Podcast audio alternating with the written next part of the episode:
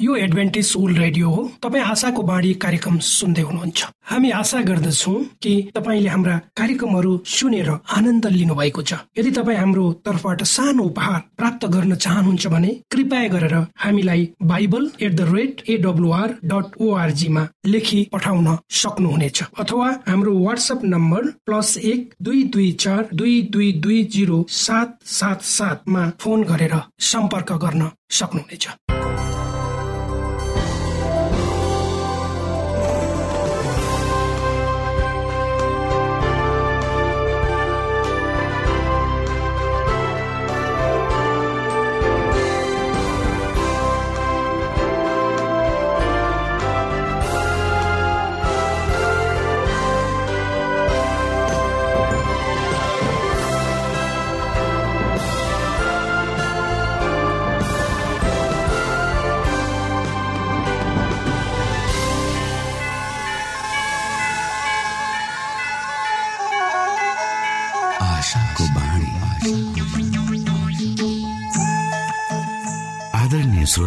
नमस्कार। यो समय तपाईँ एडभेन्टिस्ट ओल्ड रेडियोको प्रस्तुति भोइस अफ होप आशाको बाणी कार्यक्रम सुन्दै हुनुहुन्छ। कार्यक्रम प्रस्तुता म रवि यो समय तपाईँको साथमा छु।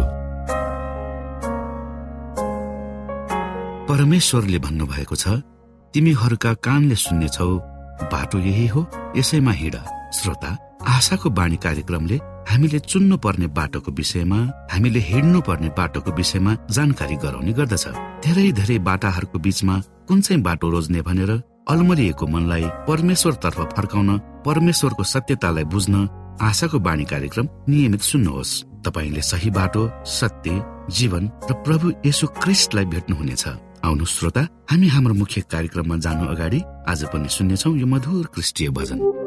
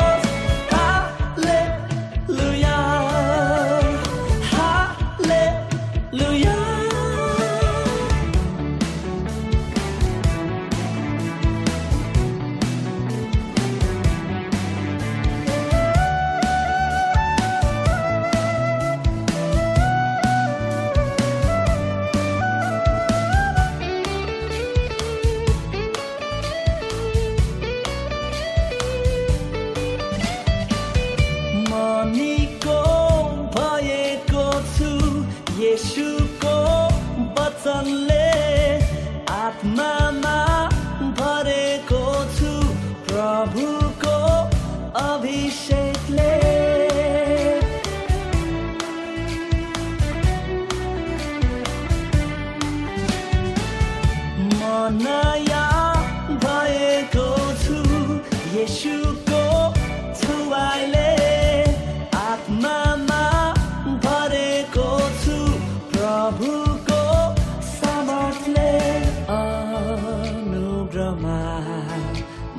बाँचेको छु अनुग्रमा म हाँसेको छु अनुग्रमा म बाँचेको छु अनुग्रमा म हाँसेको छु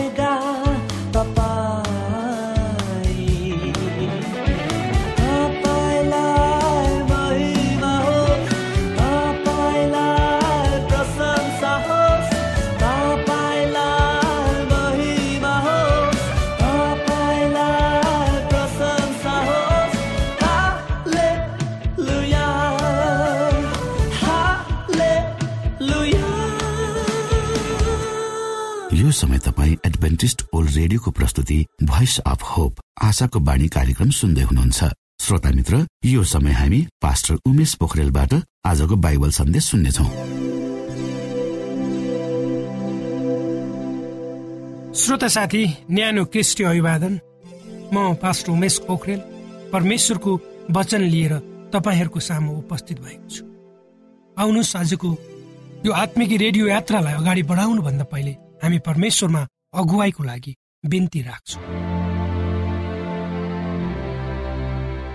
जीवी जिउँदो महान दयाल परमेश्वर प्रभु यीशु हामी धन्यवादी छौँ रेडियो कार्यक्रमको लागि। प्रभु यो कार्यक्रमलाई म तपाईँको हातमा राख्दछु।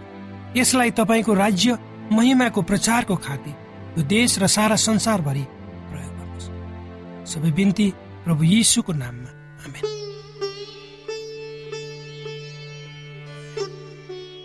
श्रोता साथी आजको प्रस्तुतिमा म मानिस परमेश्वरको हातको सिप भन्ने विषय लिएर तपाईँहरूको सामु उपस्थित भएको छु र त्यसैको सेरोफेरोमा रहेर आजको यो वचनलाई म अगाडि बढाउँदछु। उन्नाइसौँ शताब्दीका एक ठुला दार्शनिक थिए र उनी एक दिन गहिरो सोचमा परेका हुन्छन्। र उनको सोच के थियो भन्दा मानव जाति हुनु भनेको के होला? भन्ने तर्क वितर्कले उनको दिमाग खेलिरहेको थियो। त्यही सोचका साथ एक बिहान उनी हिँडिरहेका थिए र अचानक उनी एक अपरिचित मानिससँग ठोकिन पुग्छन् र त्यो ठोकिने मानिसले रिसको झोकमा त्यो दार्शनिकलाई भन्छ तैँले आफूलाई को भनेर ठानेको छस्? दार्शनिकले भन्छन् म को हुँ? मलाई नै थाहा छैन तर थाहा पाउन पाए हुन्। आज यो प्रश्न धेरै मानिसहरूको मनमा उब्जिएको छ र धेरै मानिसहरूको चिन्तनको विषय भएको छ। म को हुँ? हामी मानिस जाति भएकोले हामी के हौ? जगतको समुद्रको बालुवाका कण जस्ता यस पृथ्वीमा हामी के गरिरहेका छौँ? यहाँ हामी कसरी जन्मिन पुग्यौँ र किन आयौँ? यी जिज्ञासाहरूको उत्तर मानिसले धेरै समय अघिदेखि नखोजेको होइन। तर त्यसको विषयमा स्पष्ट जवाब अझसम्म धेरै मानिसले पाएका छैनन् जो संसारमा भौतिक रूपमा छैनन्। र वर्तमान पुस्ताले पनि यही प्रश्नको जवाबको खोजीमा अनेकौं अन्वेषण र अनुसन्धान गरि नै रहेको छ। हामी पाउँछौँ। र सांसारिक ज्ञान र विज्ञानलाई आधार मानेर खोजिने उत्तरहरूले कयौं मानिसलाई सन्तुष्ट पार्न सकेको छैन र सक्दैन पनि। तर श्रोता मित्र तपाईँ आफ्नो जीवनको उपस्थिति यस संसारमा किन के को लागि र कस्तोद्वारा भयो भने बुझ्न चाहनुहुन्छ? त्यसको उत्तर केवल पवित्र धर्मशास्त्र बाइबलमा पाउनुहुन्छ। मानव जाति र सृष्टिको बीचमा अति निकट सम्बन्ध भएकोले नै मानिसमा उब्जिएका प्रश्नको जवाब पनि बाइबल धर्मशास्त्रले नै दिन सक्छ। किनकि तपाईँ हामी अर्थात् मानव जाति परमेश्वरको हस्तकला हातका सिप। हो उहाँले हामीलाई आफ्नै स्वरूप र प्रतिरूपमा सृष्टि गर्नुभयो र पवित्र धर्मशास्त्र बाइबल परमेश्वरका वचनहरूले भरिएको सङ्घाल हो। त्यसकारण परमेश्वरको अस्तित्वलाई स्वीकार गर्ने सङ्घाल हो। आज परमेश्वरको अस्तित्वलाई अस्वीकार गर्ने विभिन्न सिद्धान्तहरूले मानव जीवनको कुनै मूल्य मान्यता वा लक्ष्य छैन भनी मान्दछ। अर्थात् हामी व्यवस्थित वा सुनिश्चित तरिकाले संसारमा आएका होइनौँ तर अचानक हाम्रो उत्पत्ति कतैबाट भएको हो भन्ने कुरामा परमेश्वरलाई नमान्ने मानिसहरूले विश्वास गर्दछ तर यस संसारमा तपाईँ र मेरो उपस्थिति परमेश्वरको योजना र व्यवस्था अनुसार भएको हो भन्ने कुरा पवित्र धर्मशास्त्र बाइबलले प्रमाणित गर्दछ। पवित्र धर्मशास्त्र बाइबलको पहिलो पुस्तक उत्पत्ति एक अध्यायको सत्ताइस पदमा मानिस जातिको सृष्टिको विषयमा यसरी लेखिएको छ। आउनुहोस् हामी पढौँ। उत्पत्ति एक अध्यायको सत्ताइस पद। यसै कारण परमेश्वरले मानिसलाई आफ्नै स्वरूपमा सृष्टि गर्नुभयो। परमेश्वरकै प्रतिरूपमा उहाँले तिनलाई सृष्टि गर्नुभयो। नर र नारिनी गरी उहाँले तिनीहरूलाई सृष्टि गर्नुभयो। यसलाई अझ स्पष्ट रूपमा बुझ्न यही उत्पत्ति एक अध्यायको छब्बिस पद हामी पढ्नुपर्छ। आउनुहोस् हामी हेरौँ। छब्बिस पद। त्यहाँ सृष्टिको विषयमा के लेखिएको छ? फेरि परमेश्वरले भन्नुभयो मानिसलाई आफ्नै स्वरूपमा हाम्रै प्रतिरूपमा बनाऊ। तिनीहरूले समुद्रका माछाहरू आकाशका पंक्षीहरू पालिने पशुहरू र जमिनमा चलहल गर्ने सबै जन्तुहरूमाथि अधिकार श्रोता मित्र उत्पत्ति एक अध्यायको छब्बिस र सत्ताइस पदहरूले स्पष्ट रूपमा भन्दछन् कि परमेश्वरले मानिसलाई विशेष लक्ष्य लिएर सृष्टि गर्नुभयो। त्यसकारण तपाईँ हामी अचानक त्यसै वा सूक्ष्म जीवबाट विकास भएर यो अवस्थामा आयौँ भन्ने धारणामा कुनै सत्यता छैन। यो तपाईँ हाम्रो आफ्नै अनुभव र आँखाले देखेका कुराहरू पनि हुन्। मानव जातिको सृष्टिदेखि नै परमेश्वरले हाम्रो जीवनलाई उद्देश्यपूर्ण र अर्थमूलक बनाउनु भयो किनकि परमेश्वरको सृष्टिमा मानव जातिलाई उहाँले विशेष रूपमा सृष्टि गर्नुभयो। परमेश्वरको स्वरूपमा बनाइएका तपाईँ हाम्रो जीवनको खास लक्ष्य छ त्यही लक्ष्य प्राप्तिको निम्ति परमेश्वरले तपाईँ र मलाई सृष्टि गर्नु। परमेश्वरले निर्धारण गर्नुभएको लक्ष्यलाई प्राप्ति गर्न हामी यस संसारको यात्रामा छौँ। भने तपाईँ र मैले बुझ्न आवश्यक छ। आज कयौँ बुद्धिजीवी तथा चिन्तकहरूले मानव जीवनको उपस्थिति र लक्ष्यको बारेमा आफ्नै धारणाहरू प्रस्तुत गरेको पाइन्छ। कतिपय ती बुद्धिजीवीहरूले हामी जन्मनुको कुनै अर्थै छैन। न त उद्देश्य नै छ भनेर तर्क पनि गर्ने गर्दछन्। तर तपाईँ र म परमेश्वरको योजना अनुसार उहाँको स्वरूपमा सृष्टि गरिएका हौ र परमेश्वरले उहाँको महिमाको लागि हामीलाई सृष्टि गर्नुभयो भनेर पवित्र धर्मशास्त्र बाइबलले स्पष्ट रूपमा भन्दछ। पवित्र धर्मशास्त्र बाइबलको भजन सङ्ग्रह एक सय अध्यायको तीन पदमा यसरी हाम्रो परमेश्वर र हाम्रो सृष्टिको बारेमा लेखिएको छ। आउनुहोस् हामी पढौँ भजन सङ्ग्रह एक सय अध्याय तीन पद। परमप्रभु नै परमेश्वर हुनुहुन्छ भनी जान उहाँले नै हामीलाई बनाउनु भयो र हामी उहाँकै हौ। हामी उहाँका प्रजा र उहाँको खर्कका भेडाहरू। यी पदहरूले स्पष्ट रूपमा परमेश्वरले तपाईँ र मलाई बनाउनु भयो र उहाँ हाम्रो प्रभु अर्थात् स्वामी हुनुहुन्छ भनी भन्दछ। श्रोता मित्र तपाईँ र म परमेश्वरका हातका सिप।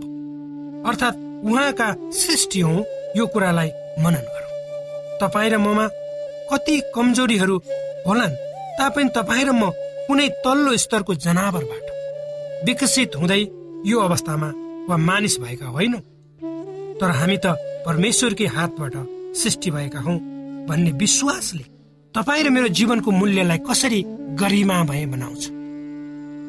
हाम्रा आदिम पिता एवं माता रगत र मासुले बनेका थिए तापनि उनीहरू परमेश्वरका स्वरूपमा थिए। हामी उनीहरूका सन्तान हौ र हाम्रो सृष्टि कुनै बाँदरको स्वरूपमा नभए परमेश्वरको स्वरूपमा भएको भन्ने ज्ञानले हामी विशेष जाति हौ भन्ने कुरालाई प्रमाणित गर्दछ। र त्यसले तपाईँ हामी बहुमूल्य जीव हौ भनेर सिकाउँछ पनि। पवित्र धर्मशास्त्र बाइबलको उत्पत्ति एक अध्यायको छब्बिस पद फेरि हामी पढौँ। जुन पदले परमेश्वरले हामीलाई सृष्टि गर्नुभयो भनेर स्पष्ट बनाउँछ। उहाँले आफ्नै स्वरूपमा सृष्टि मात्र गर्नु भएन तर हाम्रो काम के हो भने स्पष्ट पनि पारिदिनु। अब तपाईँ हामी परमेश्वरको स्वभाव लिएर सृष्टि भएका जाति भएको कारण हामीले हाम्रो जीवनलाई उद्देश्य एवं अर्थमूलक ढङ्गले परमेश्वरको इच्छालाई सफल बनाउन अगाडि बढाउनुपर्छ। न कि व्यर्थमा जीवनका अमूल्य पलहरूलाई बिताउने होइन। परमेश्वरले तपाईँ र मलाई सुम्पिने भएको जिम्मेवारीलाई हामीले बुझ्नुपर्छ। त्यसप्रति संवेदनशील हुन आवश्यक छ। र उहाँले गर्नुभएका सम्पूर्ण सृष्टिहरू मानिसको संरक्षणमा छोड्नुभयो। र उहाँले आफ्नो लक्ष्यलाई पूरा गर्नको लागि तपाईँ र मलाई अर्थात् मानव जातिलाई विभिन्न वरदानहरूले सुसज्जित पार्नु भएको छ। र तपाईँ र ममा भएका शारीरिक बौद्धिक आत्मिक र सामाजिक वरदानहरू मानव हित र परमेश्वरको महिमाको निम्ति हामीले प्रयोग गर्नुपर्छ भन्ने परमेश्वरको सदिच्छा हो र हाम्रो कर्तव्य पनि हो। परमेश्वरको स्वभाव र चरित्र कस्तो छ भन्ने कुरा परमेश्वरका सृष्टिहरूबाट स्पष्ट हुन्छन्। यदि हामी प्रकृतिलाई हेऱ्यौँ भने कसरी प्रकृतिका चक्रहरूले निरन्तर रूपमा परमेश्वरको प्रेम दया र लाई प्रकट गर्दछ? के तपाईँले कहिले यस विषयमा सोच्नु भएको छ त? यदि छ भने निश्चय नै तपाईँ सही बाटोतिर अगाडि बढ्दै हुनुहुन्छ। यदि छैन भने कृपया गरेर प्रकृतिसँग वार्तालाप गर्नुहोस्। समय बिताउनुहोस्। तपाईँ र हाम्रा अगाडि भएका खोला नाला झरना तिनीहरूको कलकल आवाज निश्चलपन रुख बिरुवा चराचुरुङ्गी अनि तिनीहरूले व्यक्त गरेका परमेश्वरको प्रेमलाई हामीले कहिले गम्भीर भएर सुन्ने र बुझ्ने कोसिस गरेका छौँ त। यदि छैन भने गरौँ। तिनीहरूले पनि हामीलाई परमेश्वरतर्फ नजिक्याउँछन् र परमेश्वरलाई चिन्ने अवसर हामीलाई प्रदान गर्दछ दुर्भाग्यवश आज अधिकांश मानिसहरूले परमेश्वरको सुन्दरता स्वच्छन्दता प्रेम दया र त्यागलाई बुझ्ने कोसिस नगरेको देखिन्छ र कतिले त बुझेर पनि नबुझे गरी आफूलाई सांसारिकपनमा भिजाउन वा व्यस्त बनाउन लागि परेको हामीले देखेकै छौँ र भोगेका पनि छौँ। मानिसले आफ्नो कामद्वारा परमेश्वरलाई देखाउनु पर्थ्यो। अर्थात् हाम्रो बोली वचन विचार खानपिन बानी व्यवहारले हामी सृष्टिकर्ता परमेश्वरको स्वरूपमा उहाँ अर्थात् उहाँद्वारा सृष्टि सृजिएका हौँ भन्ने देखाउनुको सट्टा हामी निरन्तर रूपमा खस्कदो अवस्था भएर बढ्दैछौँ। मानौ हाम्रो यस संसारको उपस्थिति केवल खानु पिउनु लाउनु मोज मजा गर्नु त्यो बाहेक परमेश्वरले तपाईँलाई परमेश्वरका यी रहस्यहरू बुझ्ने शक्ति दिनुहोस्। यही मेरो कामना।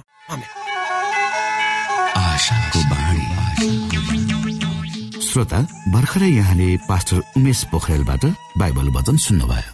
यो समय तपाईँ एडभेन्टिस्ट ओल्ड रेडियोको प्रस्तुति भोइस अफ होप आशाको बाणी कार्यक्रम सुन्दै हुनुहुन्छ। कार्यक्रम सुनेर बस्नुहुने सबै श्रोतालाई हामी हाम्रो कार्यक्रममा स्वागत गर्न चाहन्छौ। श्रोता मित्र यदि तपाईँ जीवनदेखि हरेस खानु भएको छ तपाईँका जीवनमा धेरै अनुत्तरित प्रश्नहरू छन् भने आउनुहोस् हामी तपाईँलाई परमेश्वरको ज्योतिमा डोहोर्याउन चाहन्छौँ र तपाईँ आफ्नो जीवनका चिन्ता फिक्रीबाट निश्चिन्त हुनुहोस् र बाँच्नुको आनन्द परमेश्वरको सामिप्यमा कति मिठो हुन्छ त्यो चाख्नुहोस् भनी हामी चाहन्छौँ। श्रोता यदि तपाईँ आशाको बाणी कार्यक्रमलाई अनलाइन सुन्न चाहनुहुन्छ वा डाउनलोड गर्न चाहनुहुन्छ भने www.awr.org ओआरजीमा जानुहोस्। त्यहाँ तपाईँले प्रत्येक दिनको कार्यक्रम सुन्न र डाउनलोड गर्न सक्नुहुनेछ। हाम्रो वेब पेज यस प्रकार छ ओआरजी श्रोता यदि तपाईँ हामीसित सिधै फोनमा सम्पर्क गर्न चाहनुहुन्छ भने हाम्रा नम्बरहरू यस प्रकार छन्। अन्ठानब्बे एकसाठी पचपन्न शून्य एक सय बिस अन्ठानब्बे एकसाठी पचपन्न शून्य एक सय बिस र अर्को अन्ठानब्बे अठार त्रिपन्न पन्चानब्बे पचपन्न। अन्ठानब्बे अठार त्रिपन्न पन्चानब्बे पचपन्न। श्रोत साथी न्यानो अभिवादन साथ म पास्टर उमेश पोखरेल। तपाईँहरूको बिचमा केही जानकारीमूलक कुराहरू हेरेर उपस्थित भएको छु। श्रोता आजको मेरो प्रस्तुति छ जलवायु परिवर्तन।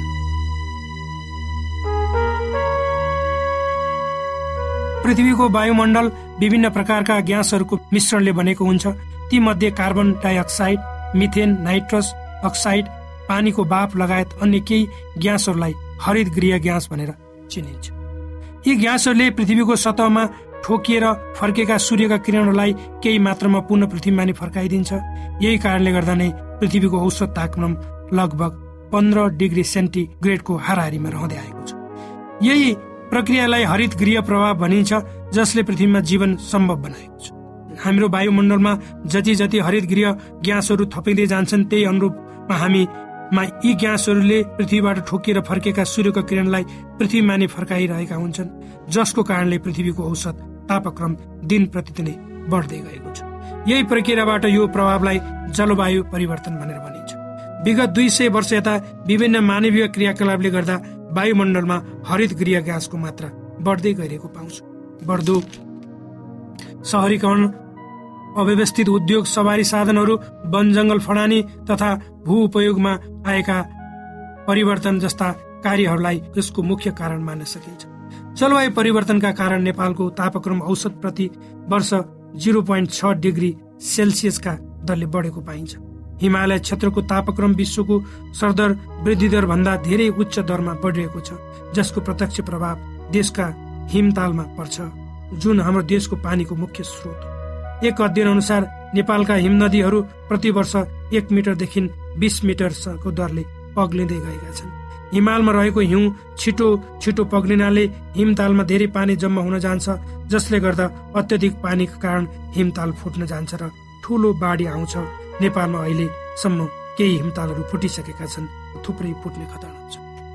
जलवायु परिवर्तनका कारण कहिले धेरै वर्षा हुने त कहिले वर्षा नै नहुने समस्याहरू उत्पन्न हुन्छन्। धेरै वर्षा हुने ठाउँमा बाढी पहिरो र भुछ्याएको समस्या हुन्छ भने कम वर्षा हुने ठाउँमा सुक्खा खडेरी पानीको मुहान सुक्ने समस्या उत्पन्न हुन्छ जसको कारण देशमा खाद्यान्नको कमी हुन जान्छ। वातावरणमा आएको परिवर्तनका कारण थुप्रै रुख बिरुवामा रुख बिरुवा तथा जीव जन्तु लोप भइरहेका हामी देखिरहेको छौँ। वनको विनाश तापक्रम र वर्षमा आएको परिवर्तनले जीव जन्तुको संख्या घनत्व र उपलब्धतामा कमी आई लोप हुने अवस्थामा पुगेको देखिन्छ। नेपालमा बाढी पहिरो भूक्षय खडेरी जस्ता प्राकृतिक प्रकोपहरूको समस्या पहिलेदेखि नै रहिआएकोमा जलवायु परिवर्तनले यसलाई झन जटिल बनाएको छ। तापक्रमको वृद्धिले विभिन्न प्रकारका रोगहरू फैलिने क्रम बढी हुन्छ। विशेष गरी झाडा पखाला मलेरिया काला जार जापानिज इन्सेफ्लाइटिस जस्ता रोगहरूको कारणले मानिसहरूको ज्यानसम्म जान सक्छ।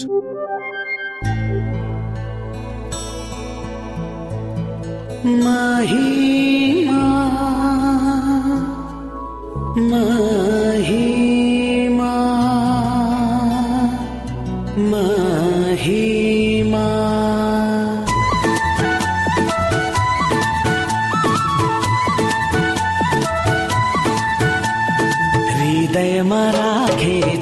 जीवनको साथी मेरो।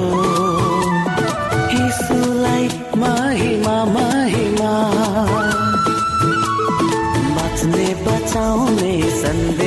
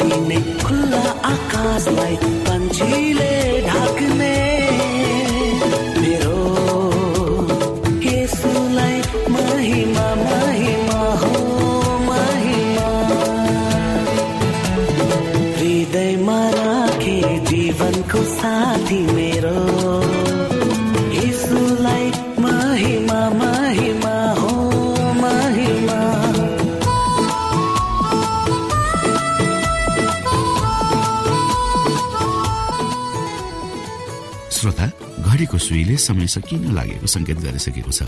हाम्रो ठेगानाको बारेमा यहाँलाई जानकारी गरौं। आशाको बाणी पोस्ट बक्स नम्बर दुई शून्य शून्य शून्य दुई काठमाडौँ नेपाल। यसै गरी श्रोता यदि तपाईँ हामीसित सिधै फोनमा सम्पर्क गर्न चाहनुहुन्छ भने हाम्रा नम्बरहरू यस प्रकार छन्। अन्ठानब्बे एकसाठी पचपन्न शून्य एक सय बिस। अन्ठानब्बे एकसाठी पचपन्न शून्य एक सय बिस। र अर्को अन्ठानब्बे अठार त्रिपन्न पन्चानब्बे पचपन्न। अन्ठानब्बे अठार त्रिपन्न पन्चानब्बे पचपन्न हवस् त श्रोता हाम्रो कार्यक्रम सुनिदिनु भएकोमा एकचोटि फेरि यहाँलाई धन्यवाद दिँदै भोलि फेरि यही स्टेशन र यही समयमा भेट्ने बाजा गर्दै प्राविधिक साथी राजेश र पास्टर उमेश पोखरेल र कार्यक्रम प्रस्तुता म रवि यहाँसँग विदा माग्दछौ परमेश्वरले तपाईँलाई धेरै धेरै आशिष दिनुभएको होस् नमस्कार